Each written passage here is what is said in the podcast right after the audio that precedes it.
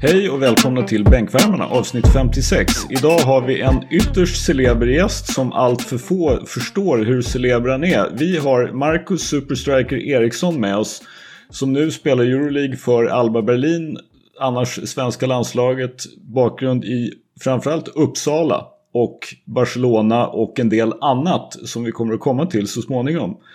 Addis, Uppsala Connection, du måste vara ruskigt peppad.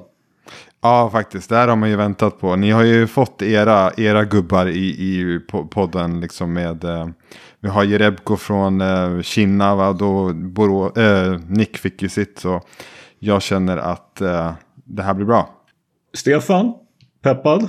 Jag är sjukt peppad. Jag är till och med inne på min andra bärs. Alltså Marcus Eriksson, kom igen. Vad, vad, vad är det för jävla gäst vi har gubbar? Ja, det är så. Nick, kollar du på Nässjö Norrköping eller är du med oss? Uh, jag tittar på Nässjö Norrköping och sen undrar jag om Marcus Eriksson kommer tacka mig för att jag på Twitter trollar alla de här stora medierna som inte skrev någonting om hans Euroleague-rekord. Uh, Marcus använder inte Twitter men den fighten tar jag gärna alltså för jag blev så jävla förbannad när det hände. Uh, men ja, välkommen Marcus, välkommen. ja, tack så mycket. Det var snälla ord från alla. men kul Henrik Johansson, du har också snälla ord kvar att säga. Ja, jag vet inte fan. Alltså jag är lite irriterad på dig Skölden efter måndags när jag faktiskt försöker få in Jimmy Bucket i topp 10 och, och jag får bara skit efteråt.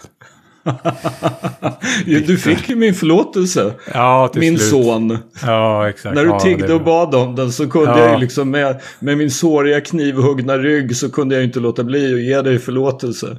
Nej, okay. Hur som helst, Marcus, välkommen. Fantastiskt roligt att ha dig här. Jag måste inleda med att fråga, för vi tänkte att vi faktiskt ska börja från början. Vad fick du i Vällingen i Uppsala egentligen? Ja du. Nej, men det är alltså familjen är ju en, en basketfamilj så, så det blir lite, lite alltså på, det, på det sättet att man börjar, börjar spela på grund av det då. Mm. Eh, annars så vet väl vi alla att basket inte är största sport, sporten i Sverige. Eh, så det var väl, det började väl på det sättet och så var pappa var ju min en av två liksom, första, första coacher eh, när vi var riktigt små då. Eh, så det bara... Det var väl så det började och så bara tog man det vidare. Vi diskuterade faktiskt här innan. Spelade, vi vet ju då att din farbror Bosse Eriksson, legendarisk som Bosse Bössa i många år i Uppsala och ja. Solna. Han spelade i ligan men vi mm. kom aldrig riktigt fram till att vi var 100% säkra på att din far Per spelade i mm. ligan. Ja, han spelade i ligan också. Eh, några säsonger, eller jag tror han spelade fram tills han eh, var nästan 30 kanske. Mm. Så ja, men han var, han var i Uppsala hela tiden. Och så spelade ju min, min mamma spelade också i, i högsta ligan också. Jo, det var det, det var det vi hade för, med, hade för oss att, att det var basket hela vägen. Och ja. att så småningom så var det faktiskt, det måste ju ha varit någonting i vattnet eller i vällingen i Uppsala i den här tiden. Det var, var ju liksom ett gäng med väldigt, väldigt bra spelare som kom fram liksom ganska lika ålders, alltså ungefär samma tid. Mm. Du, Viktor och Anton Gaddefors, Andreas och Jonte Persson. Ja, we could go on. Ja, men så, alltså, så var det ju. Men, och känslan, alltså det fanns ju många fler också som Sebastian Norman och eh, det var ju jättemånga som hade föräldrar som spelade tidigare och så liksom, det var väl så vi, vi bildade liksom laget från början. För vi började ju när vi var så jag tror vi var fyra, fem år liksom. Eh, pojkar 93, 92 då. Eh, så de flesta hade föräldrar som, eh, som hade lirat. Mm. Så jag menar det, det har väl hjälpt såklart, skulle jag säga. Jag har för mig att jag sett någon klassisk bild, alltså någonstans, jag vet inte om det var tidningen eller någonting där. Det är någon bild med alla farsor och alla barnen där. Det var bland annat Norman och du och farsan och Exakt, jag kommer ihåg den bilden också. Det var, det var där ja. från början liksom. Det var... Ja, det var, det var ju UNT var, eller vad var det? Ja, jag tror det var UNT som, som hade den. Det var väl ja, med Sebastian, jag, eh, Jonathan Berggrund, Kristoffer Lassi, Johan Sundqvist. Så alla hade liksom föräldrar som eh, Taxén. Eh, det. Liksom, det var jättemånga som hade föräldrar som hade varit duktiga. Hur gammal var du? Det finns ju en, en väldigt berömd video med dig på YouTube där vi också har diskuterat fram och tillbaka. Vi inte riktigt, minns inte riktigt hur många du fick i i rad. Men visst var det väl så att du på fem minuter så satte du 78? Ja, precis. Och 57 i rad, eller vad var det? Alltså treor då, då förstås. Ja, jag har för mig att det var strax över 50 i rad. Och så 78 på fem minuter. Och grejen, alltså. Grejen är, vi hade liksom ingenting att göra den dagen har jag för mig. Och så var det liksom, det var en övning som, det var en gammal spelare i Uppsala som spelade i Sundsvall också. Tim Whitworth tror jag han hette. Mm. Eh, så jag för mig att det var, nå- det var något rykte liksom att han hade satt, jag vet inte om det var så här 70 eller 71 på fem minuter. Och så bestämde vi att jag, jag skulle testa att slå det liksom. Och så, och så blev det sådär.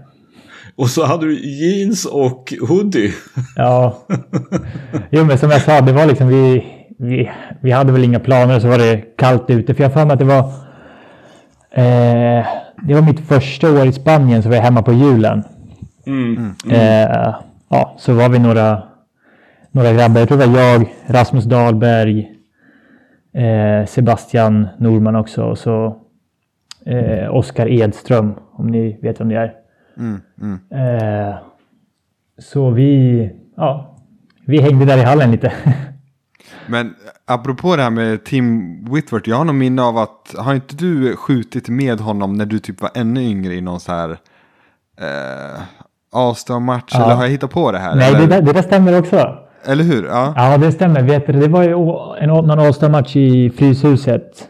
just det. Just det. Eh, Så jag vet inte, det var liksom någon tävling Mm. innan Åsa-matchen och så... Vänta, var det du? Jag var ju där och såg den matchen. Var det du? Ja, jag var en av dem. Ja, okej, shit. Ja, wow. Jag tror att det var jag och Sebastian Norman faktiskt. Okej, var det så? Som Ja. gick till eh, ja, finalen då, så fick man välja, välja varsin, varsin spelare. Så, Ja, ja, okej. Ja. så jag kunde, kunde mina skyttar redan då. Så jag valde han och så, och så vann vi. Shit. När jag, när jag coachade Jämtlands damer så var det samtidigt som Tim var i, i Jämtland. Och vi, vi hade alltid så här eh, försäsong, eh, för alltså, skyttetiden, shooting times, hade vi alltid samtidigt som dem. Och jag fick vara med faktiskt fick vara med och tävla lite mot honom. Men eh, han kallades maskinen av en anledning. Alltså fan. Ja, Helvete. jo, han var, han var bra på att skjuta. Det såg aldrig annorlunda ut heller. Det såg exakt samma jävla... Ja, fan. Ja. Ja. När, när vi ändå är inne på Tim Whitworth, ehm, kommer, ni ihåg, kommer ni ihåg vilka skor han hade sin första säsong i Uppsala? Uff, Den här, är, den här är tuff. Den här är riktigt tuff.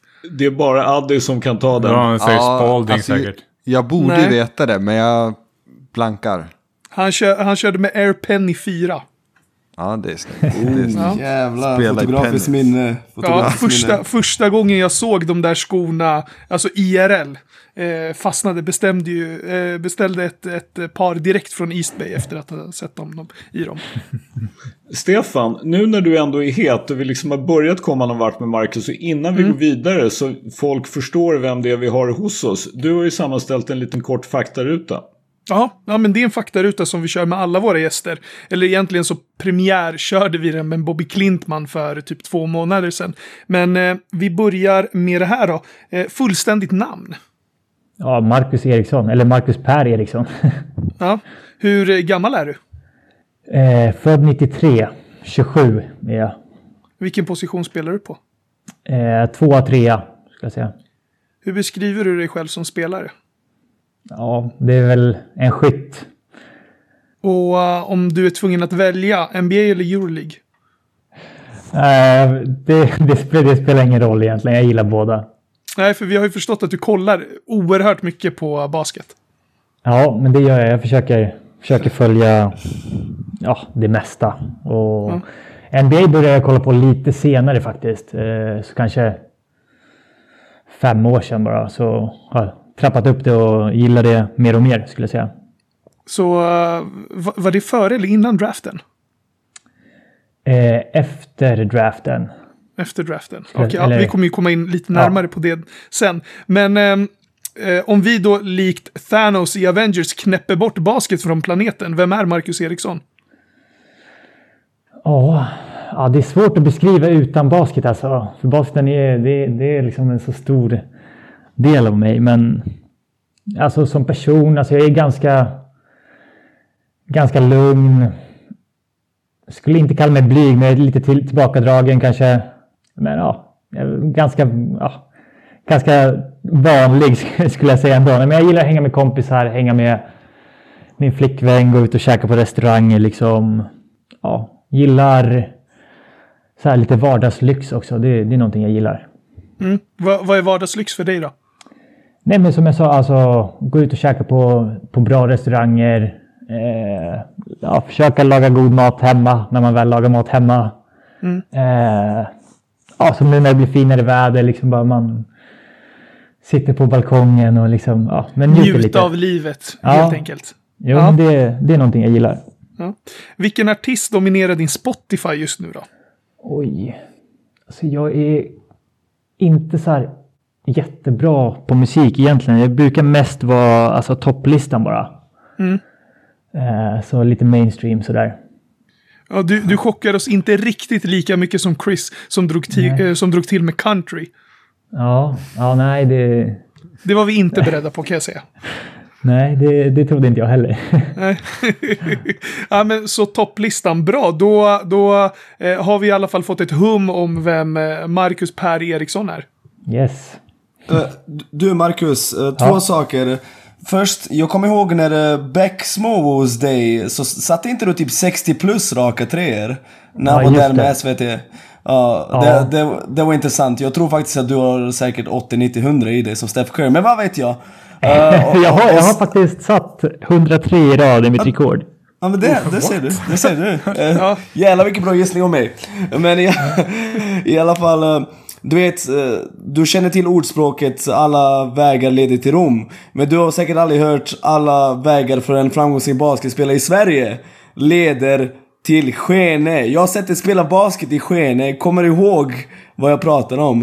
Eh, det måste vara skol-SM, eller? Yes, yes, skol-SM. Så det var första Mot- gången jag såg... mot Ängskolan. Eh, Exakt, Ängskolan. Ja, där är den. Alltså, jag kommer ihåg att det var där jag såg det för första gången för att du var inte sådär jättehypad som ungdomsspelare. Det var ju, i den generationen var ju Jonte Persson liksom den som var nationellt känd bland basket eh, älskare. Jag såg det lira och då, alltså redan då kunde du skjuta riktigt bra. Men jävlar vilket lag ni hade! Alltså ni slog i finalen uh, Ängskolan med typ 80-20 eller någonting. Alltså det var ju hemskt att bevittna. Uh, Var, de, det var, var ju du- de bra eller var Ängskolan dåliga? att, nej, Ängskolan hade Fredrik Andersson och Emil Lundstedt, alltså säkert tre, fyra stycken som har gått Heiser Ismaili, alltså folk som har spelat i ligan liksom. Uh, men grejen är att ni var så fruktansvärt bra. Uh, jag kommer ihåg, uh, ni hade också en liten pointer som var typ mörkhårig. Va, vad heter han? Ja, det är Jonathan Berggrund. Jonathan Berger. Jag tyckte att han var nice. Uh, på den tiden i alla fall. Han var riktigt Ja, bra. han, nej, var men alltså, ju, han var på gränsen till landslaget så här U18 och U16. Ja, jag är inte förvånad. han var- Ja, han var nice. Han stack ut tyckte jag också. Samtidigt med, tillsammans med dig och Jonte. Men i alla fall, det var där jag såg det första gången. Och hade någon sagt till mig att du, hade, du skulle komma till Euroleague och bli så bra som du har blivit så hade jag såklart inte trott det. Men eh, kul att du varit i Skene. Alla, alla nice lirare har varit i Kinna i Skene.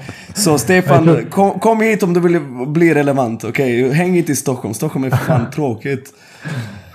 Ja. Stockholm är tråkigt, det värsta jag har hört. Kom till Kinna för fan. Vi tänkte nog att vi skulle snarare varken faktiskt Kinna eller Stockholm eller Skene utan vi tänkte att vi skulle till Barcelona. Hur kom det sig att du hamnade där? Eller vad hände liksom? Var ju, ni var ju tre stycken där. Du och Ludde och Nick Spires var ju där i alla fall delvis samtidigt. Ludde Håkansson. Grejen är för mig, för mig så började det ju i Manresa egentligen. Jag var ju ett år i Manresa innan Barcelona. Just det. Just det. Eh, så egentligen var det, det var, ja, men jag gick på ettan på gymnasiet i eh, Celsiusskolan i Uppsala då. Eh, och så under det året så, så åkte jag ner och provtränade. Då provtränade jag med både Barcelona och Manresa. och så, ja, det var sportchefen i Manresa var liksom han som verkligen ville ha mig mest liksom. Så då, så då valde jag Manresa. Eh, och sen så när han, eh, ja men när jag redan hade signat sådär, då så blev han erbjuden jobbet i Barcelona för Barcelonas B-lag och ungdomslag. Eh, så det var väl lite på det sättet som jag året efter gick till Barcelona då. Eh, men ja, det var väl så det började när jag, när jag kom till Spanien. Så han, han tog helt enkelt med dig till Barcelona när han lämnade Manresa? Ja, precis. Eller jag, alltså, jag, var ju, jag var ju hela året i Manresa första då, men sen, sen efter det så var det ju, det var ju då jag signade mitt, ja, med mitt längre kontrakt med Barcelona då. Eh, och samtidigt som Ludde kom ju dit eh, samma år som mig och så Nick var ju där redan ett år innan. Eh, mm. Det året mm. jag var i Manresa då. Men, men eh, eh, Marcus, hur var det, hur fick Manresa liksom nys om dig? För att det året när du gick på Celsius, visst var det så att du spelade väl i basketettan då va? Ja, Samtidigt. precis. Ja, vet du hur liksom Manresa, var det något ungdomslandslag de fick nys om dig eller? Eh, vet du det? Jag liksom? tror, hur det började så tror jag att det var U16 EM. Mm. Eh, B-EM var det, var i Portugal. Okej. Okay. Eh, så då, alltså på, på EM så då är det ju många scouter och agenter och, och så som mm. är där. Eh, så det var väl där ja, men folk började ta kontakt och sådär. Vet, eh, samma agent som jag, som jag har idag. Eh, det var väl där han tog kontakt med eh, mina föräldrar då. Och så, ja, han är från Barcelona ja, men så blev det att man, man åkte och provtränade till slut liksom. Mm. Eh, så det är väl, ja, men det är mycket lands, när man är med landslaget och alla de här ungdoms-EM så där, då, då är det många som, eh, som är där och kollar. Mm, ja, fattar. Men hur var det då i Barcelona? Det måste ändå ha varit, eh, liksom, på, även om du hade varit i Manresa ett år så måste det ju vara en viss trygghet då att lämna Manresa och komma till Barcelona som ändå är en stor klubb men ändå ha, alltså då, att vara tre svenskar. Ja, jo, alltså det var, det var jätteroligt. Eh, jag hade ju redan träffat Nick någon gång året innan. För det, är Manresa Barcelona är väl ja, 45 minuter, en timme eh, med bil bara. Eh, men ja, det var kul när... Eh, ja, men att vi blev alla tre liksom. Det, vi blev ju verkligen... Vi kallades ju för Swedish House Mafia då. För att då, det var, de hade väl liksom lite musik då, så alla, alla där runt omkring kallade oss för det. Vi, ja, vi blev verkligen som, som bästa kompisar där, liksom. vi hängde hela tiden. Uh, Marcus, du, du hade ju några år där, uh, du spelade med B-laget, B-laget och sen kom du upp till A-laget och jag kommer ihåg, du hade en väldigt bra försäsong ett år. Och sen i första grundseriematchen, om jag minns rätt, så skadade du korsbandet. Du var inne på plan i fjärde perioden. Så mm. planen var ju att du skulle få stort förtroende, även fast du var väldigt ung då. Hur var det att bli knäskadad, knä, eh, förlåt, knäskadad där och då? Hur kändes det liksom? Var du eh, besviken, hopplös? Alltså, vad var det som hände där? Nej, men alltså, det är klart att det var, det var riktigt tufft alltså. Så jag, hade, jag var utlånad i Manresa i ACB då, året innan och så hade jag haft en bra säsong liksom och då just det, just det, började just jag försäsongen med Barcelona. Eh, men planen var liksom att jag, jag skulle fortsätta vara utlånad. Men så hade, gick det liksom två veckor och så här. Jag frågade min agent om ja, men när, när, liksom, när ska jag... Tanken var liksom man resa igen. Men, eh, ja, men Barca ville att jag skulle fortsätta försäsongen där. Liksom, så åkte vi upp till Andorra på träningsläger. Eh, spelade någon träningsmatch, kom tillbaka eh, och så var det ja, träningen efter då så kommer Xavi Pascual som var coachen för Barcelona och så kommer han fram till mig därefter och, och säger att eh, vi, vi vill att du, du stannar kvar i laget i år. Eh, och, ja, alltså att vi tror att du kan, du kan hjälpa oss i år redan och så då blev det liksom en, ja, en omställning. För jag tror jag, jag bodde liksom på hotell eh, under den tiden för jag var redo att, att bli utlånad igen.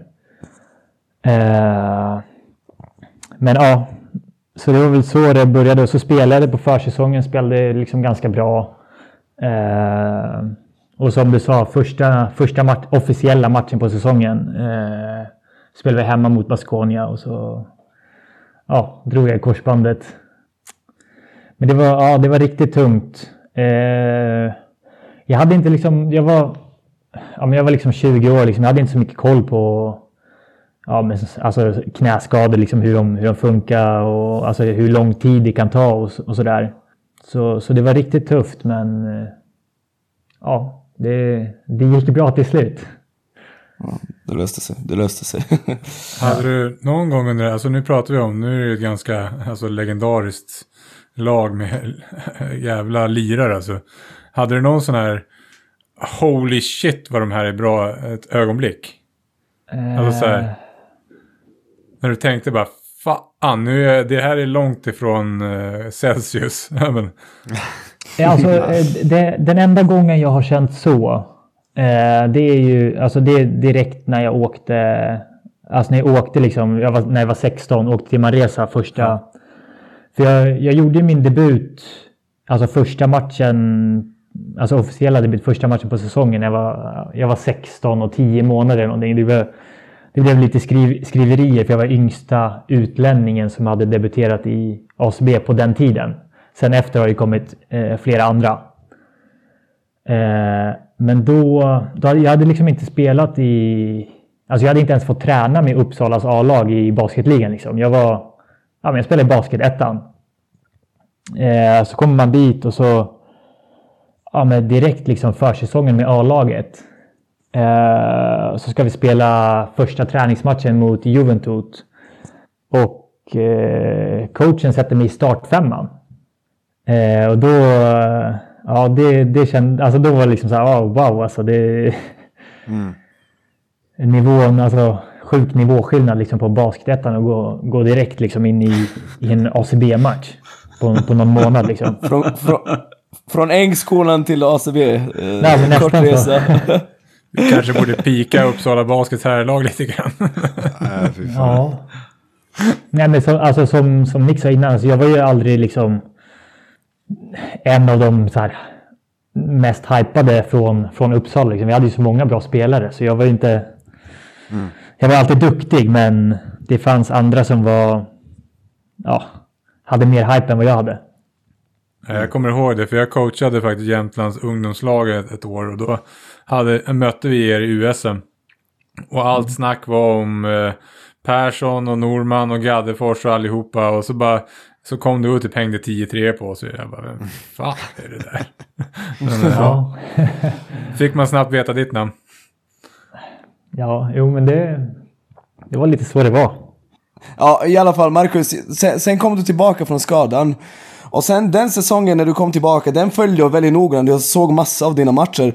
Och du delade, alltså delade, du, jag tycker att Viktor Klaver tog ganska mycket av din speltid och jag tycker, jag tyckte helt eh, ärligt att han var värdelös. Håller du med mig att han var det? För det han skrev ju på ett jättekontrakt och liksom var tvungen att spela liksom och jag tyckte att du var väldigt, väldigt produktiv när du väl fick chansen och det är väldigt svårt, alltså nu är du van, alla Euroleague-lag gör det på det sättet att ingen spelar liksom 30 plus minuter. Men jag tyckte verkligen att du var mycket mer produktiv än honom och gjorde det bättre, håller du med mig? Ta tillfället i akt och trash honom. ja, nej, men, eh, jag måste rätta ändå. Det var, det var liksom två år efter skadan som Victor. Claver kom. Okej, Eh, okej, okej, okej.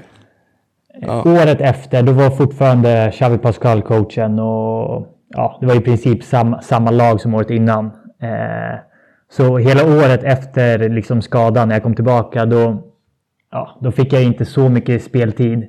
Och sen ja, till det året som du kom, kom till när Victor Claver var med, så var det, då hade vi Bartzokas som coach. Och jag menar, Claver spelade ju med Bartzokas i eh, Kuban då, Ryssland, när de gick till Final. Four året innan. Så Ja, alltså. Det är egentligen helt liksom olika, olika spelare, så det är, det är svå- svårt att säga så. Men det jag kommer ihåg av det året, det var att liksom, ja, men jag började, i början kanske jag fick spela liksom lite och sen så hade jag en stund när jag inte fick spela någonting. Sen så kom eh, Copa del Rey, alltså Kings Cup, som är i mitten av säsongen då, som är väldigt stort i Spanien. eh, så hade jag en riktig monstermatch i kvartsfinalen mot eh, Malaga.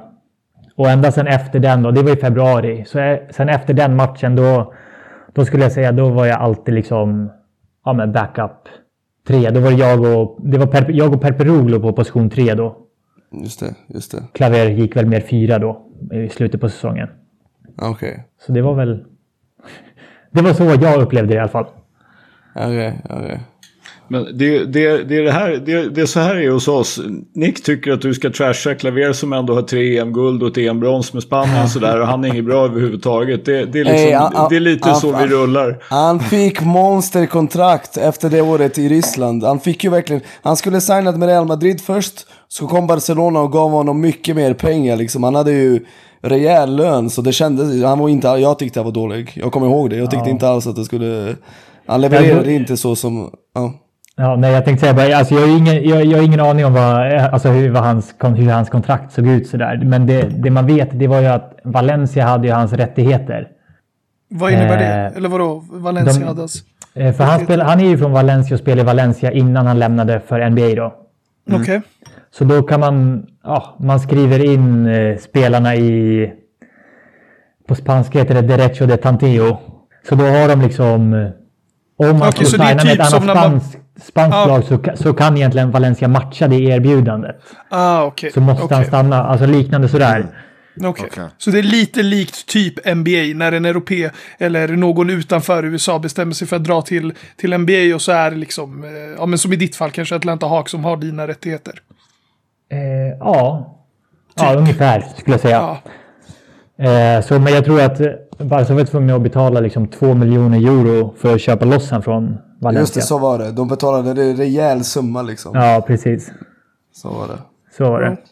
Var, var, på tal om absolut ing, eller jo, på tal om det här också. Skölden, var det det du, du klickade fram där? För jag hör ju att det är någon som klickar frenetiskt. Var det för att hitta hur många EM-guld Victor Claver har vunnit? Jag klickar inte kan jag tala om eftersom jag inte använder något tangentbord. Så du hör i synes Stefan. Ah, Okej, då är det någon annan som sitter och klickar. My bad, my bad, my bad. Men Skölde, visste du på rak arm att Klaver hade tre stycken guld? Nej, men jag visste att han hade fler och jag visste att han spelade för Portland i NBA. Så jag tänkte nu måste jag kolla hur dålig var Victor Claver egentligen. Marcus Eriksson riktigt så jag bättre. Marcus det, men- Eriksson bättre. Jo, jo, Det är men det är ju helt givet att Marcus Eriksson är bättre än Victor Claver. Men jag tyckte bara att, ja, jag ville ju kolla bara, vem är det vi trashar och hur stämmer det här verkligen? bara, bara sån där allmän koll liksom. Det var lite så det var.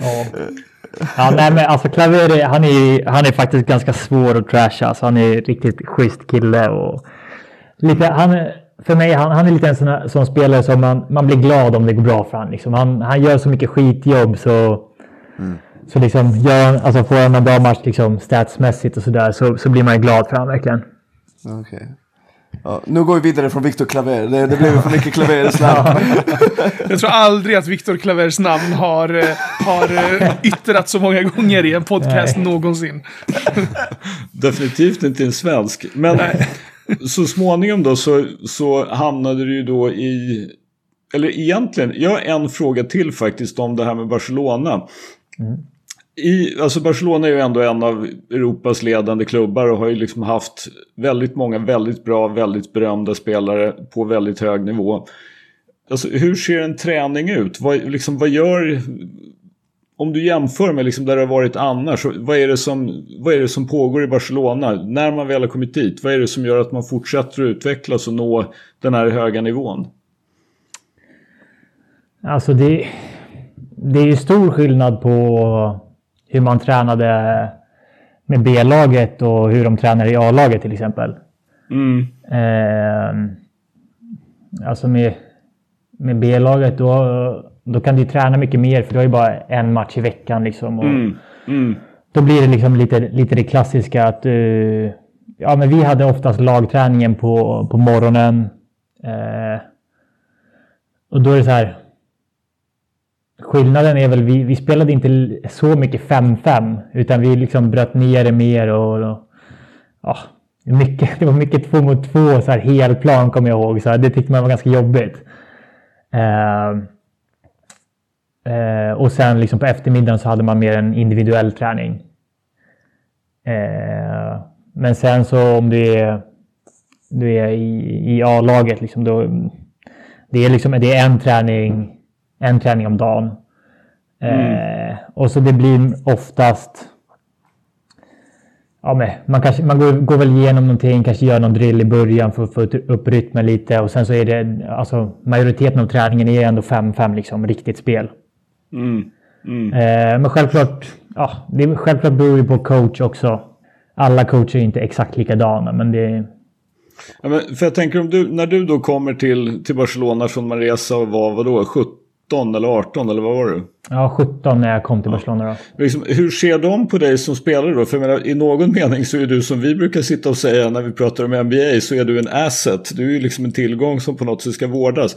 Vad de är ute efter, ja men okej, Marcus Eriksson är jävligt bra på att skjuta men han behöver bli det här. Eller var de, Marcus Eriksson är jävligt bra på att skjuta, nu ska vi se till att vi kan utnyttja Förstår du vad jag menar rent filosofiskt? Liksom, Mm. hur, hur tänkte man med, med dig som spelare? Vad, vad ville man att du skulle göra och bli?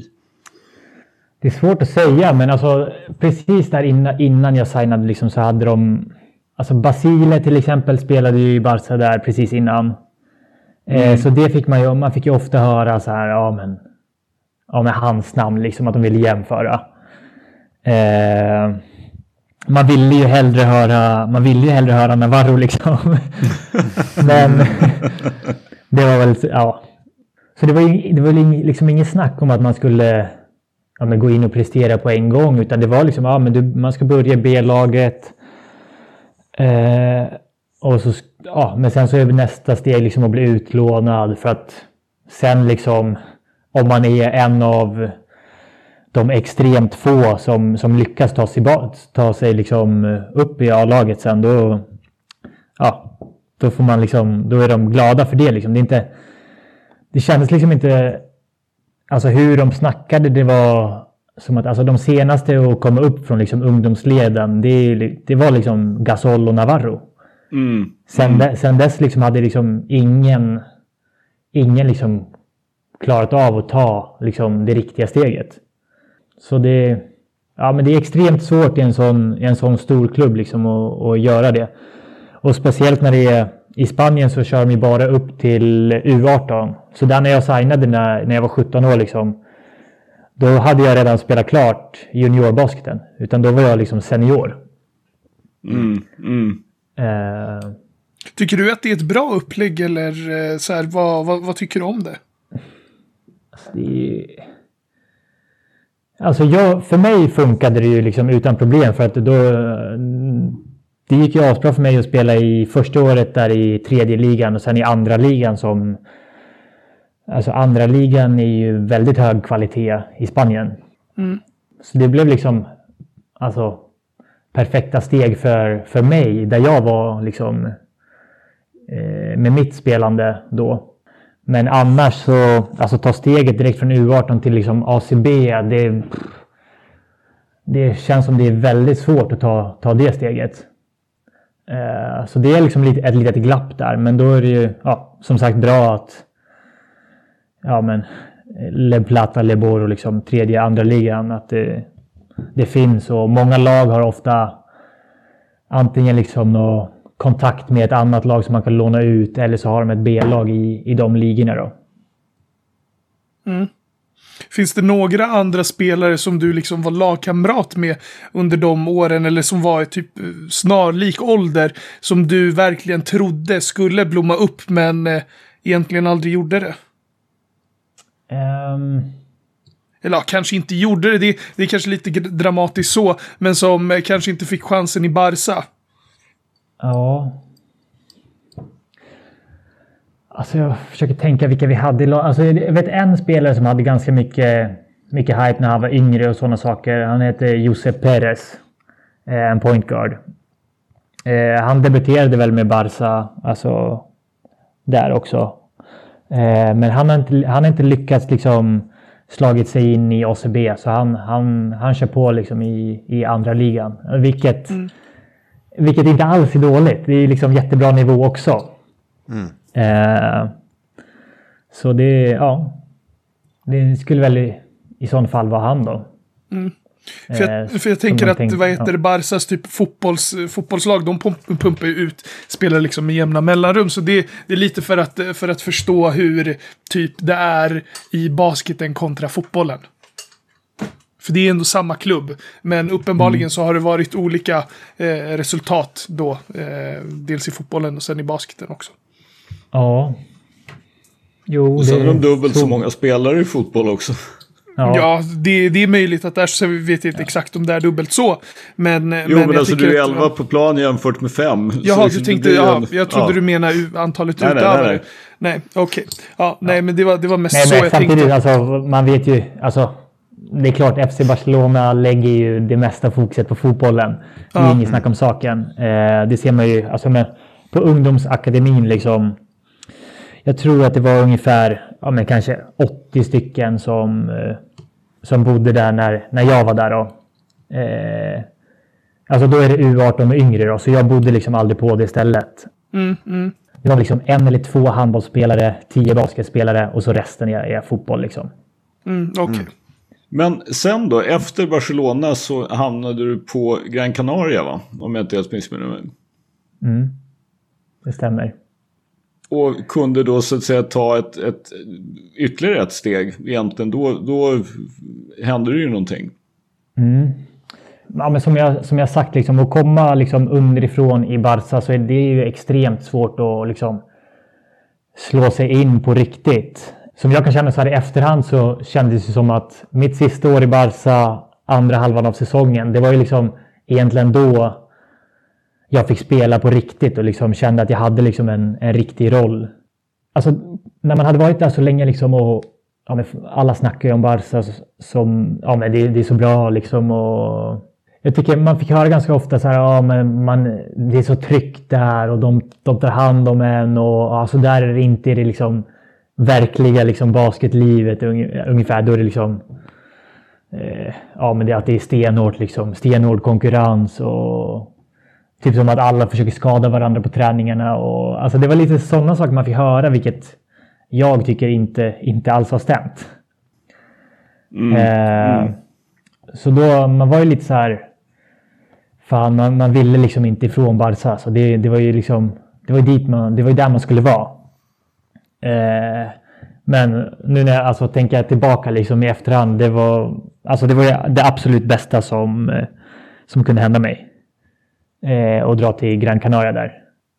Du Marcus, eh, jag, det var ju den där matchen när ni slog Valencia på bortaplan. Eh, Alltså då gick liksom Gran Canaria från ett lag som är, jag vet inte, kanske mittenlag i Spanien till att helt plötsligt bli Euroleague-lag. Och du satte ju den här galna trean uh, i sista minuten liksom när ni vände. Uh, kände du liksom okej, jag, jag är så pass bra att jag gör skillnad liksom i ett lag. Förstår du? Att jag kan ge ett lag en helt ny dimension och jag är så pass bra liksom att uh, ja, jag kan göra så stor skillnad. Eller var, var det liksom, var det väntat för dig? Trodde du att ni skulle ta er till Euroleague? Um ja, men alltså att känna sig sådär liksom eh, ja, men viktig och, och sådär bra. Alltså det, det kunde jag göra redan, redan innan liksom i, ja, men som jag sa, andra halvan av min sista säsong i Barca. Liksom. Eh, det var väl lite svårare med självförtroende där för det gick lite upp och ner. Men sen när jag kom till, eh, till Gran Canaria, alltså all, all cred till, ja, men till coach och alla spelare där. Alltså det var de, ja, redan från dag ett så visade de alltså stort förtroende, förtroende för mig. Liksom, och, ja, det, var liksom, det, var, det var helt annorlunda för då, där ville de ju verkligen att man, man skulle få bollen, man skulle skjuta mycket. och Medan i Barca så... Ja, men det blev ännu mer liksom spot, spot-up. Ja, du skjuter spot-ups eller attackerar close-outs. Eller, det är så här, du, du har inte bollen så liksom extremt mycket. Exakt. Eh, så det, ja, det tog väl lite tid liksom att anpassa sig till det. Eh, men ja, alltså som jag sa, det, är- det är ju det bästa som har hänt mig. Och, eh, jag skulle säga att ja, men Gran Canaria, alltså de, de är liksom alltså laget som är liksom eh, Ja men där sexa liksom i, Ja, exakt, exakt. liksom i storhet i Spanien eller vad man ska säga. Eh, och de, alltså innan jag gick dit så de hade liksom gått till final i Eurocup något år innan och, och, eh, och liknande. Eh, de vann ju Supercoppa vet det, mot oss Barca i finalen året innan också. De spelade Euroleague ett år, nå- något år också tror jag, innan du kom dit. Eh, Eh, nej, det gjorde de inte. Gjorde inte det ett år? Nej. Ja, Det där måste Det jag kolla var- kolla. Li, lita, lita på Marcus nu, Ja. Nick. Nej, men det lita var, det på var Marcus första. nu. Det var första där 2018-19 Ah, Okej. när vi... Okej, okej. När vi okej, ja. Som den där matchen som du snackade om. Det, det är den sjukaste matchen jag... Ja, det- alltså att ni Spelat. vände den på slutet är ju faktiskt helt galet. Ja. Det... Nej, men det... Det var helt otroligt alltså. Men hörru du Marcus, nu spelar du då i Alba Berlin, men innan du hamnade i Alba Berlin så blev du faktiskt den tredje svensken att draftas av ett NBA-lag, Atlanta Hawks. Om jag inte helt missminner mig så gick du som nummer 50 i draften, var det 2015 eller 2016? Eh, 15 var det. 15. Mm. Hur tänkte du då och kände liksom? Vad, hade du någon kontakt med Atlanta eller kom det liksom ur blå? Alltså grejen är den. Året innan, där 2013-14 då. Eh, 2014 så skrev jag in mitt, mitt namn i draften också. Men eh, jag ja, drog mig ur, eller vad man, vad man ska säga. Mm. För att då hade jag ju, ja, vad var jag? Jag var 19-20 det året i, i ACB liksom. Hade snittat liksom 11-12 poäng per match. Vilket väldigt få 19-20-åringar gör liksom. Så då, då var det liksom många som var väldigt intresserade. Min agent sa alltid det liksom att ja, men vi, vi skriver in namnet och så får man se liksom ja, vad de säger och sådär. Kan du droppa något lag som var så här konkret intresserat där och då? Nej, men då, då var ju många liksom intresserade, men de kan inte garantera någonting. Nej. Eh, att man skulle liksom bli, bli vald eller sådär. Ja, nej, det jag Eh, undrar var ifall du typ, om du vill, så får du jätte, jättegärna säga typ eh, vilka en, två lag som var mest intresserade av dig. Eh, ja, det, alltså, det, det, det vet jag faktiskt inte. Nej, okej. Jag, jag minns inte det. Men det var liksom inget, inget lag som var liksom, ja men det var 100% säkert att de kommer ta mig liksom. Så då drog jag, drog jag mig ur liksom. Eh, och sen så skadade jag ju mig det året. Och så var jag ju skadad hela året så jag spelade ju liksom inte. Eh, och då så, alltså jag hade liksom egentligen ingen, ingen tanke på draft. Alltså min agent sa liksom, ja nej men det är i princip omöjligt. Det var väl det jag hörde liksom. Alltså jag, jag, jag var inte ens vaken och kollade på draften utan jag fick liksom ett samtal. Den är, den är sjuk Marcus, för jag var vaken. Ja, Ja, det, nej, men alltså, jag också. jag tror... Jag tror liksom, jag, jag, jag såg väl liksom precis början på draften liksom för att vi, jag spelade ju med eh, Mario Hesonja och så liksom på sommaren innan så hade jag ju, så var ju jag och... Jag Förlåt, och- jag måste bara avbryta det igen. Nu när du ändå nämner Mario Hezonja. Ja, Han är ju... Du hör ju att resten av gubbarna garvar också. Han är ju lite av en favorit. Han är, han är vår gubbe. Ehm, Hur bra känner du Mario och är han verkligen en sån stor luftskalle som han framstår som att vara? Nej, alltså vi känner väl inte varandra så jättebra. Alltså, vi, vi spelade ju där i, i Barca, vad var det, två år tillsammans. Eh, första året eh, var jag ju både, alltså var jag i B-laget liksom tillsammans. Och då känner man ju ändå varandra, alltså, ändå, Ja, men, ändå så här, hyfsat. vi har, inte, vi har inte, inte hållit kontakten efter. Kan man Nej, okej, okej. Men sen när vi var liksom i A-lag, vi... Han gillade att träna extra liksom, så vi, ja, vi kunde liksom köra liksom lite innan träningarna, efter träningarna och sådär. Ja. Men alltså, ja, han, alltså han, det är klart han har, han har extremt bra självförtroende. Ja. Eh, sen så, det, Det det, är lite det vi vill komma åt. ja, det, det ser man. Det ser man. men sen så var det väl... Alltså, alltså, jag kan känna nu att han, har, alltså, att han har lugnat ner sig lite, men jag Oh, vet shit. inte, det, det kanske inte är sant. Ja, nej, da, nej, ja, ja. ja. Ehm, ja. vi, sist vi nämnde honom så var det ju när han skrev på för Panathinaikos Ja. och eh, han fick det där mottagandet på, Ja, eller just utanför men jag flygplatsen. såg det. Jag tänkte så här, det kanske, då kanske det väx, växte liksom till igen. Att han, Vi, Ja, vi var ju överens om att han är den sista spelaren på den här planeten som behöver ett sånt välkomnande. Ja. Jo, alltså det... Det är svårt att säga om det var bra för han eller inte. Tillbaka till, till NBA och Atlanta där. Hur, eller liksom hur, så småningom så i alla fall så, så du, du fick ett samtal. Ja, jag är draftad. Ja, för jag, jag, som jag sa, jag kollade liksom där början när Hesonja, för jag hade ju den sommaren där innan så var jag i Las Vegas och tränade med Porzingis också. För vi är samma agentur och sådär. Eh, så då, ja, men jag tänkte man kollar det liksom och sen så, sen så gick jag väl och la mig då. Och så vad var det, klockan kanske var liksom sex, sex på morgonen eller någonting. Eh, då så ringde, då ringde min agent mig. Eh, och sa, sa att jag blev draftad av Atlanta då. Och att de skulle ringa mig om ja, med tio minuter eller någonting. Och, ja. Hur kändes det då? Nej, men alltså det var... Alltså det var ju overkligt. Alltså man... Alltså man var ju klarvaken liksom på, på en minut. Eh, och så... Ja, men det kändes helt overkligt. Alltså det är någonting man... Eh, man drömmer ju om det som... Alltså, ända sedan liksom, när man började spela basket. Eh, alltså det kändes ju verkligen stort. Alltså, och det kändes... För mig kändes liksom, det kändes extra mycket för jag hade haft ett så, så jobbigt år eh, med skadan liksom. Så då kändes det som att det där var liksom en, en positiv grej. Liksom. Äntligen kom, kom det något positivt. Så det, det, var, det var riktigt roligt tycker jag. Nu då? Nu lever, lever drömmen? Finns det någon kontakt?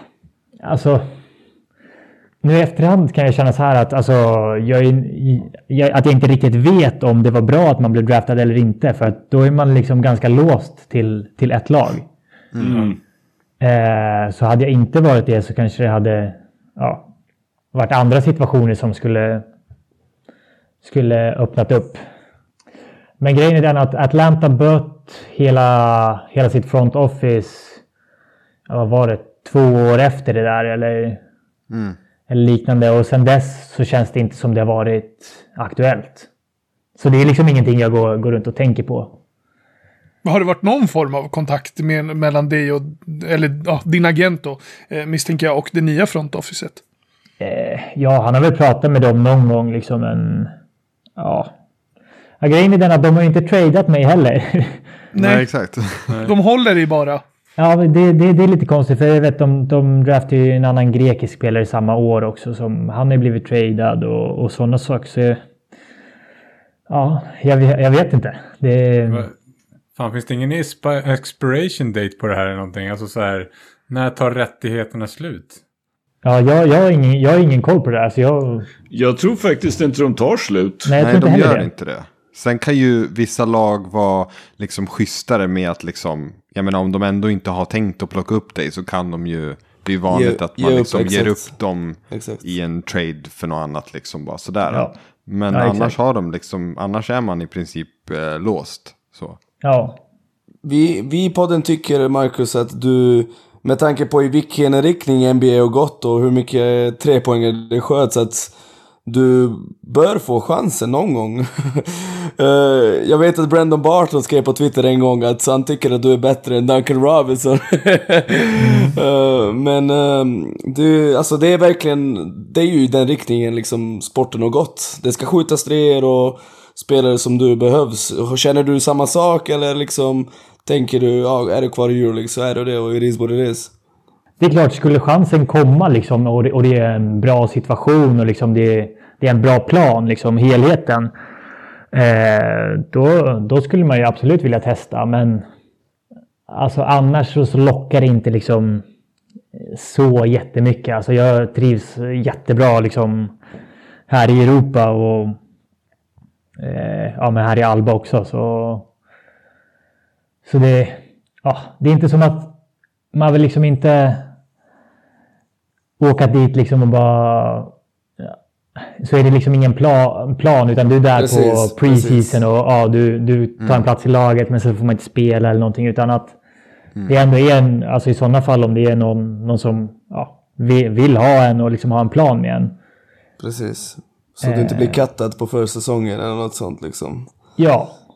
Ja, jag förstår. Ja, men för vi, vi tänker ju också det att det vi har sett av dig i landslaget, nu virrar vi lite grann fram och tillbaka här, men att du ju också har den här förmågan som en, en del trepoängsskyttar har också, att liksom man blir lite som en magnet för försvaret. Alltså du, du måste inte sätta 10 treor i en match för att påverka matchen hur den går. Du blir en magnet. Du genom rörelse genom att vara ett hot. Bara genom att alla vet att liksom, lämnar vi honom öppen så är det stor chans att bollen går i.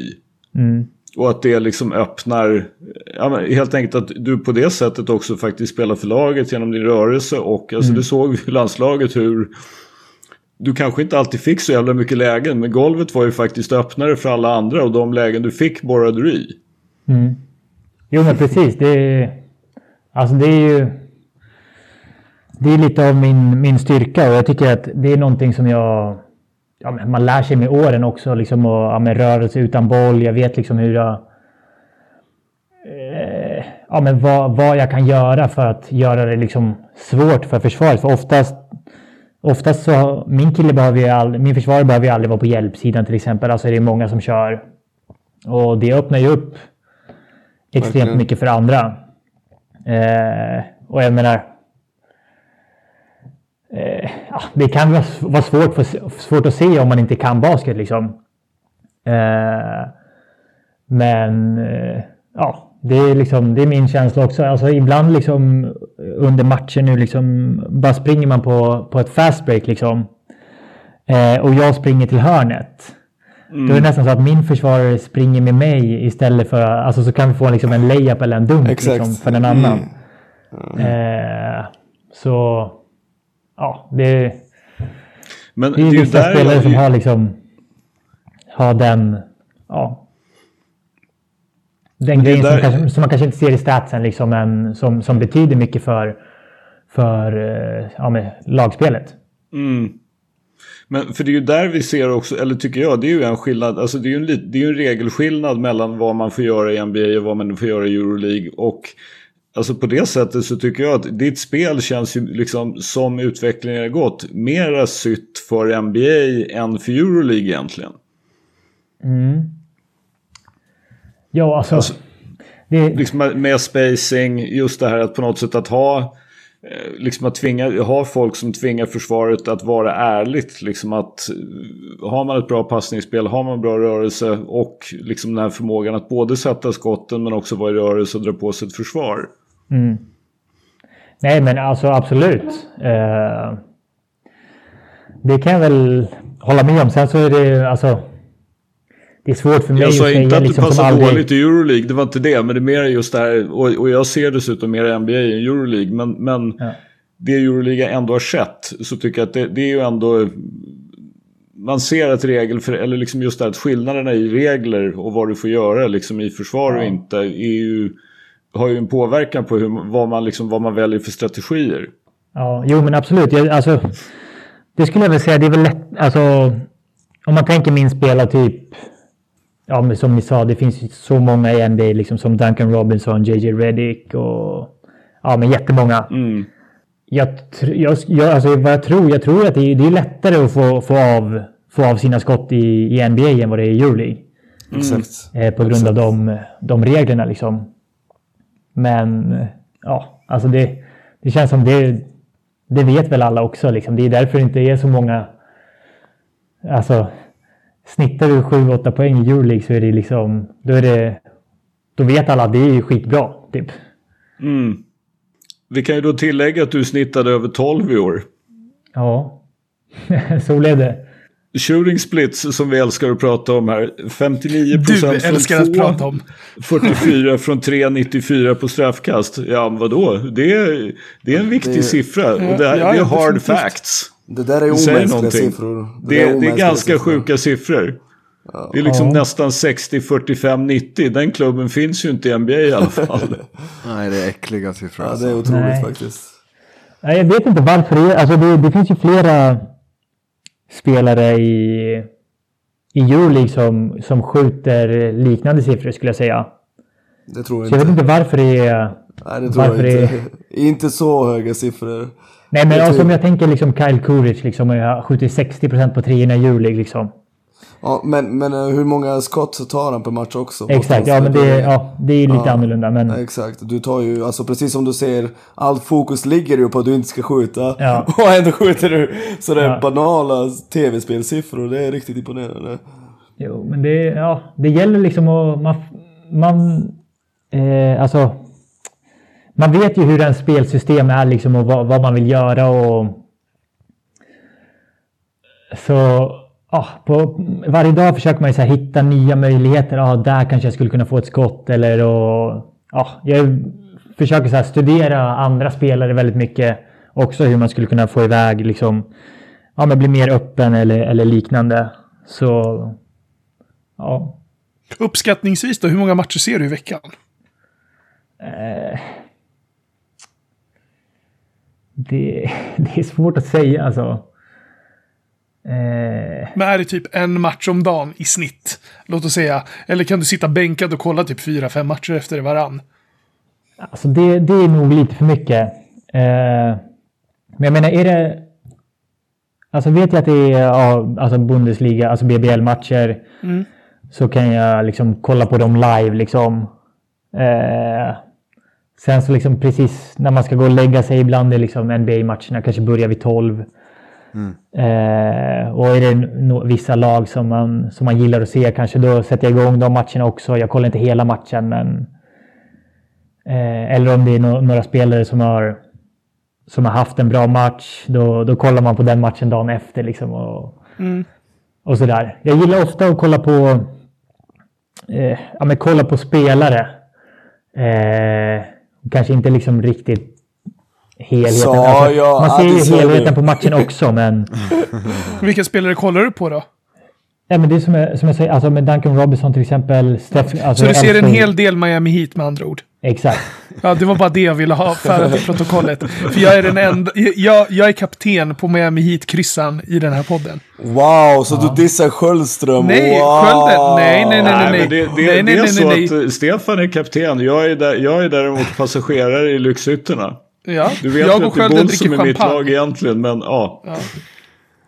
Ja. men kul, kul att uh, höra att eh, du uh, kollar på en hel del Miami Heat. Ja, men sen, det är klart jag kollar på, alltså Steph Curry är ju, alltså det är väl han man, alltså jag gillar att kolla på allra mest då. Och han har ju varit helt otrolig nu på slutet. Speciellt. Helt otrolig, faktiskt. Även för att vara Steff. Ja, precis. Du, du Marcus, jag nämnde ju din... eh, din eh, alltså vi har en svensk basketspelare som håller ett Euroleague-rekord och för mig som älskar basket och följer basket tycker jag det är något helt sensationellt. Något som, nej jag vet inte, alltså även vi som följer basket inte trodde det skulle hända. Att en svensk håller ett rekord, liksom vad händer? Och när det hände liksom så fick du inte en enda rubrik, du fick inte en enda text, ingen notis i de här största tidningarna och jag kokade faktiskt i några dagar och bara trollade på nätet för att jag tycker det är så jävla dåligt. Det är så fruktansvärt dåligt. För det du gjorde var stort och jag liksom googlat och sett att de har skrivit om det i Spanien och de har skrivit om det i Frankrike och i Serbien. Alltså, det, ändå, det blev ju en nyhet liksom. Okej, han satte ju 10-3 poängare, tangerat Euroleague-rekord, men ingenting är här. Eh, så jag vill först och främst säga att vi som följer basket, vi är väldigt stolta över det. Bara så du vet, liksom, det, så det inte blir så att ingen bryr sig. Det finns folk som bryr sig. Men sen, sen på, tycker du att det är tråkigt liksom? Eller skulle du vilja ha mer uppmärksamhet? För jag vet att Jerebko sagt tidigare, ja, det jag gör är stort, jag tycker det förtjänar mer uppmärksamhet. Och jag gillar Jerebko, att, jag gillar att han säger det faktiskt. Eh, Vad, vad känner du kring det där och att basketen liksom får så lite utrymme i media?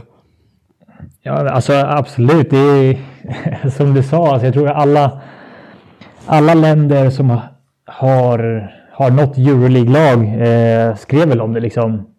Exakt. Eh, och alltså jag, jag vet inte vad jag ska säga liksom. Det, man har alltid vet, alltså det är ju aldrig någon som har skrivit om, om basket riktigt, i min känsla.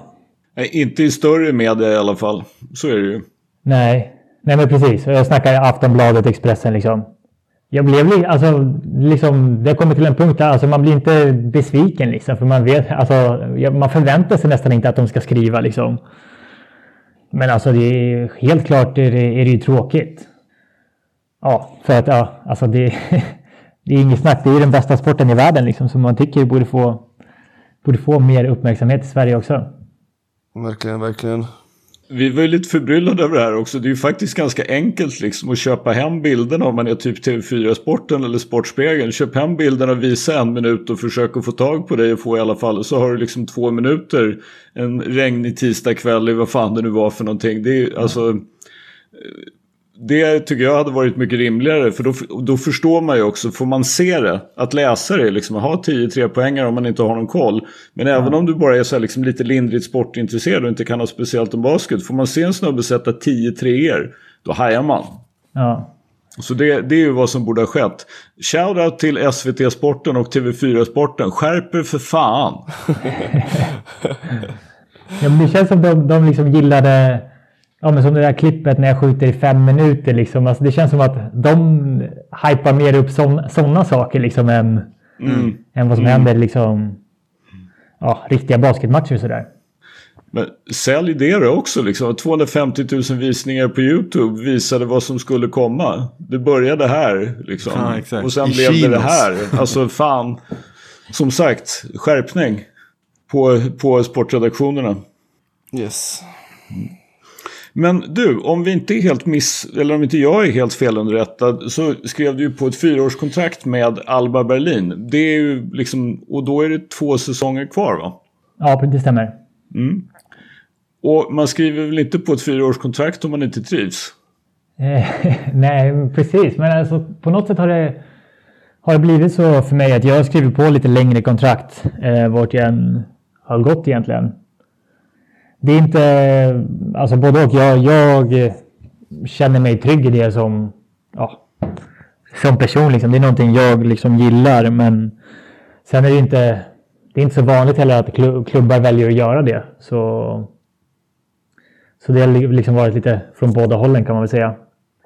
Eh, men ja, alltså jag trivs, jag trivs jättebra, jättebra här. Så det, det är roligt. Mm.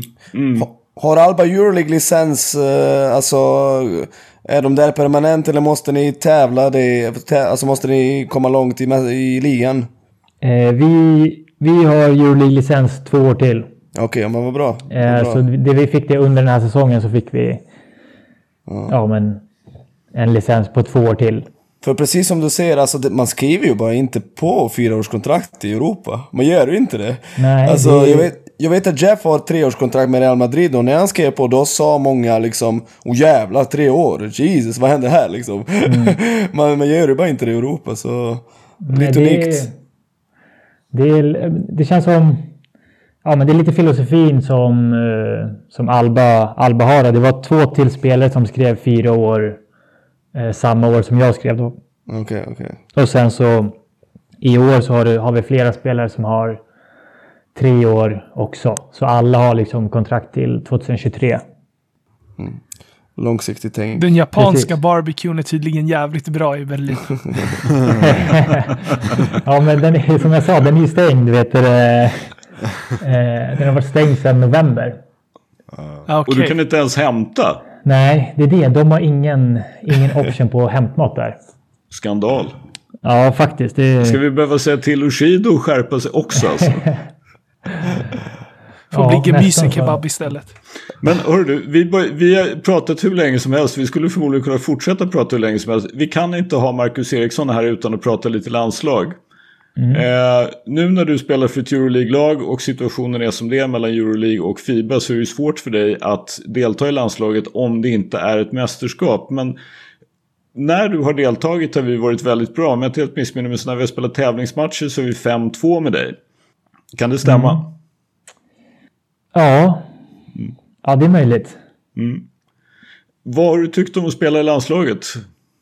Nej, alltså jag, jag älskar det liksom. Eh, det är en helt annan, annan gemenskap liksom. Alltså man känner ju, man känner ju de, alltså, de grabbarna som har varit med och som är med liksom. Det blir en, speciellt, liksom, en speciell connection. Mm. Eh, så det, ja, det är någonting som man tycker är ja, men riktigt roligt alltså. Besvikelse med, med senaste kvalet med andra ord? Eh, ja, det, är, alltså, det är klart. Det alltså man vill ju verkligen spela, spela ett EM liksom. Men nu, nu vet man ju att det vad blir, vad, hur, hur lång tid är det? liksom fyra år jag emellan? Jag tror att det är 2022 och sen så vet jag inte hur de gör. De flyttade ju från 2021 till 2022 på grund av corona. Ja. Då. Så jag, jag, vet inte om de går tillbaka sen och spelar 2025 då 2025 nästa. tror jag. Ja, jag tror okay. också det. För att de har ju lagt det på något sätt så att det ska liksom funka med OS. Och, ja. och, och OS kommer ju att gå 2024 ändå. Ja. Om, om, I alla fall om det nu, om, om man nu så att säga, framförallt om man då får till ett OS i Tokyo i sommar, vilket väl, även om inte japanerna själva vill det, så verkar det ju som att det ändå ska bli av. Och då, då är det ju 2024 som gäller för nästa OS och då tror jag nog att man låter EM ligga kvar, att man liksom, det här var liksom exceptionellt och flytta på det till 2022. Mm. Så jag gissar att det är EM 2025. Ja, ja så det är det är ju en stund dit liksom, så det, det var ju mm. riktigt surt att vi inte, inte lyckades liksom. Eh, men ja, det, det är liksom, det är vad det är. Det, mm. Var det matcher du kunde se? Eh, ja, absolut. Mm. De, eh, de försökte jag kolla på. Jag vet inte om jag såg alla matcher, men ja, så mycket jag kunde av dem. Mm. Vi, vi satt ju och hoppade lite grann i soffan där när det var, när det var senaste kvalomgången. Så det, ja, som sagt, det var otroligt synd. Otroligt synd att det, det inte gick hela vägen till mm. 2022. Det hade varit roligt. Det hade vi ja, uppskattat. Verkligen. verkligen. Eh, avslutningsvis då, så bara några snabba frågor. Vem är den bästa spelaren du har spelat med? Uh, hmm. Ja, jag måste säga Navarro. Mm. Ja, det är det. Ja, jag, är, ja, men jag är svag för Navarro. Alltså det, mm. Jag gillar det är din gubbe. Ja, det är det verkligen. Hur, hur var det att hålla honom på träningarna? Eh, alltså, ska jag vara helt ärlig så de åren jag spelade med han så känns det inte som han eh, gick så himla hårt på träningarna. Liksom. okay, okay. Han, sparade sig nog, ja, men han sparade sig nog ganska mycket. Liksom. Men, Veteranen. Eh, men, ja. ja. nej, men han är, han är extremt svår, och, svår att hålla. Legendar. Ja. ja. Vem är den bästa du har spelat mot? Um, alltså, jag måste väl säga Doncic. Just det. Mm. Jag spelade i och för sig mot eh, Westbrook också, när, där med Barca när vi mötte Oklahoma. Mm. Just ja, det gjorde ni ett år. Ja, ja jag, jag, jag, tänkte faktiskt fråga dig, när vi ändå var inne på NBA, så här, ja. när du mötte dem i NBA Global Games, eh, hur, det, hur det kändes, liksom, om, om det kändes att du, du, du, du kunde lira med de här gubbarna eller om du fortfarande var lite sådär, ja ah, fan shit, det här är ändå en nivå över. Nej, men det kändes absolut som, vi kunde, alltså, som man kunde spela mot dem. Eh, jag tror vi förlorade med ett poäng den matchen. Men grejen är den, det är, det är så svårt att säga också för att de är precis i början av sin försäsong mm. tror jag när de kommer mm. över. Så det är liksom... Ja. Det, är svårt, det är svårt att säga. Men jag menar, ja, Westbrook spelade ju i alla fall den matchen. så. Mm. Ja. Mm. Han, hade, han hade en fet dunk kommer jag ihåg. Ja, det kommer jag uh, ihåg. Ja, du, Marcus, men har du, känt, alltså, har du känt att du har hållit en spelare i försvar och du tänkt oh jävlar vad det är svårt? För jag tror inte att du matchar upp mot Doncic liksom, men uh, om det var liksom en spelare du skulle hålla och du tänkte oh jävlar vad det här är jobbigt. Ja. Um, då skulle jag nog, alltså jag skulle nog säga JC Carroll alltså. Okej, okay, ja. ja. Mm. Jag menar, det, jag, tror, jag tror väldigt många skulle säga han, för att man vet liksom så fort han är på planen så spelar Real Madrid spelar i princip allting för han. Mm. Eh, och han springer av liksom alla screens där. Du, du, liksom, du kan inte relaxa någonting. Så på det sättet är det ju extremt ja, med, tröttsamt liksom. Och... Exakt, och han springer som en galning också. Så Exakt. han blir aldrig trött. Exakt. Oh. Så ja, det är väl det, är väl det. men det, det finns ju extremt många. Så.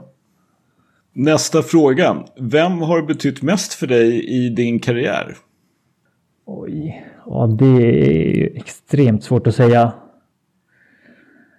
Um... Självklart. Men ändå. ja.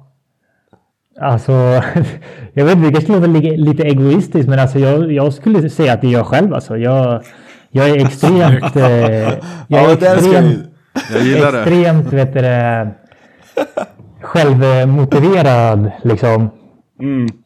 Jag skulle säga att alltså, ja, men höra liksom positiva slash negativa grejer utifrån. Liksom, det, det, det tar inte så mycket på mig utan alltså jag, jag, jag, liksom, jag har höga krav på mig själv och jag är självmotiverad. Liksom, jag, jag vet liksom vad, jag, vad jag behöver göra liksom, i, ja, men, i gymmet för att känna att jag är i form. I liksom, skjuta innan träningar, efter träningar och ja, men hur, jag, hur jag lägger upp liksom, sommarträningen och, och liknande. Alltså, det, det, ja, det är mycket...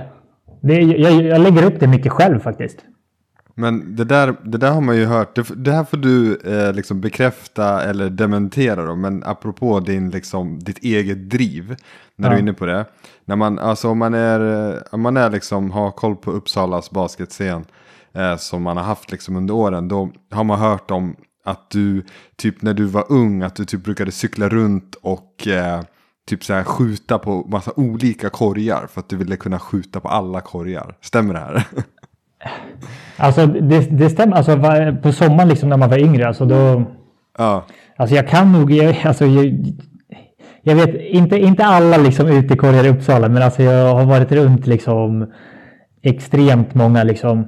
Ja, Men det var väl är inte- vad folk har sagt liksom att så här, du brukade cykla runt och bara skjuta liksom alla Ja, men det, alltså, jag gjorde det hela dagen. Alltså, ja. he, hela dagarna på sommaren liksom. Om, jag inte hade någonting så ja, men man tog cykeln. Och det, alltså, det var ju inte bara liksom att... Alltså det var inte bara liksom seriös träning eller någonting utan man, man liksom, ja, ibland åkte du till någon låg korg och så, så här, försökte du dunka hela tiden. Och, Mm, mm. Ja, men det är alltså säkert liksom ja, två, tre gånger per dag liksom på sommaren så, så gjorde man det liksom. Det är så man blir bäst, ni som lyssnar och ni är yngre. Exakt, Det är så man det blir bäst.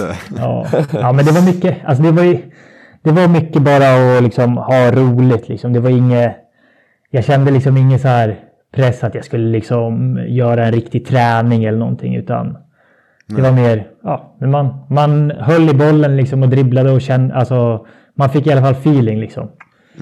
Men är inte, är inte det liksom ändå just den här så att säga, kombinationen av lek och ändå liksom mycket tid? Alltså någonstans bottnar det ju faktiskt i just det här, men det här är roligt, jag vill lägga tillräckligt mycket tid på det, jag vill det här. Det måste ju vara en del av- av det som är din självmotivation. Ja, jo alltså. Alltså självklart. Det, är ju, det viktigaste är ju att du, liksom, du gillar det, det du gör. Så det går ju lite hand i hand som du säger. Så jag menar, som jag sa, om man, om man ska göra det liksom så mycket som jag gjorde när jag var yngre, liksom då, det, det är omöjligt om du ska liksom köra på stenhårt och seriöst hela tiden. Liksom, då, då, då tappar du liksom det, det roliga. Mm, mm. Två snabba avslutande frågor. Din bästa coach? Du vet att du, efternamnet måste vara Nimmerstam nu, eller hur Alice? Nej, men, eh, nej, nej, men faktiskt med, eh, med Mikey, så, Mikey Nimmerstam då, så, så kände jag verkligen att jag, eh, jag, jag kände att jag tog liksom ett steg till. För att det var liksom det året så, så lämnade Jonathan Persson också. Han gick upp till basketettan. Så, så då blev det liksom att då var det jag som var ja, ja men jag som var liksom den stjärnan i laget eller vad man ska säga. Och, så det året mi- minns jag verkligen att jag, jag gick fram jättemycket. Så absolut att, att han har varit, viktig. Eh, Ska vi ta en det- följdfråga på det och säga, fråga så här, har vi fel Nimmerstam i podden? nej, nej, nej. Man kan vara nej. bra på olika saker. Ja, Ja, exakt, exakt. Nej, men det, det finns så många, liksom, som, jag- som jag sa, liksom, för, första liksom, när jag kom till Gran Canaria så eh, den coachen, eh, Casemiro heter han, han hade väldigt mycket förtroende för mig och, och det hjälpte mig extremt mycket också. Sen så jag menar, som jag sa, min pappa och eh, Johan Zetterlind var de två som liksom coachade oss från, eh, ja, men från tidig ålder till, tills vi skulle börja sjuan. Då. Så de, de la ju grunden. Eh, Och ja, så, så de har jag väl väldigt mycket att tacka för också. Sista frågan skulle vara tips till unga spelare, men det låter ju nästan som du redan har svarat på det. Och det är ju älska det du gör och gör det ofta och mycket och kvalitativt. Ja, jo men det, det är det ju. Eh, och också som jag sa, liksom att ja, men, kanske inte ta det liksom allt för seriöst när man är, när man är mindre, liksom, utan försök att, ha, försök att ha väldigt roligt också. Mm. Skulle jag säga. Men eh, innan vi drar då. När, eh, när kommer du hem till Uppsala? Det är det vi vill veta. Det är så tråkigt att Uppsala inte, inte spelar i ligan nu alltså. Men nu satsar de upp igen. De satsar upp igen, så du kan Ja, förstärka. Och de har årets försvarare i Manos Nakos också. Nej, just det. Just det. Den ska vi inte glömma. Så att, eh, men har du någon, eh, seriöst, har du någon där tanke om att så här i slutet av karriären, typ, någonting sånt? Absolut har man haft den tanken liksom. Sen så vet jag att det är liksom det är extremt svårt att liksom bestämma någonting på förväg. Vad, liksom hur ens karriär kommer att se ut. Eh, Såklart. Men absolut, alltså jag, jag är väldigt hemmakär så jag, jag gillar Uppsala. Förhoppningsvis så, så kan man spela där i framtiden. Ta det som ett ja, det är bra. Vi tar med oss två saker från dagens avsnitt. Det, det första är att Marcus Eriksson håller på med mig hit. Och det andra är att han kommer att avsluta sin karriär i Uppsala Basket. Gott så. Ja, det är bra. Ja, Vi, vi tar med oss faktiskt en tredje sak också och säger samma sak som vi har sagt till alla våra tidigare gäster. Vi har haft helt fantastisk tur, eller möjligt, och rent av lite skicklighet i vilka gäster som har velat komma och vi har bett komma hit. Men du är välkommen tillbaka precis när fan du vill Marcus. Ett stort, Ja. stort nöje att ha haft det här och ha det med oss. Ja. Välkommen tillbaka varit- när det passar. Ja, tack. Det har varit, det har varit trevligt. Kul att snacka lite basket. Det är alltid kul tycker jag. Great. Säger vi så. Tack för idag. Ja, sköt om er. Yes.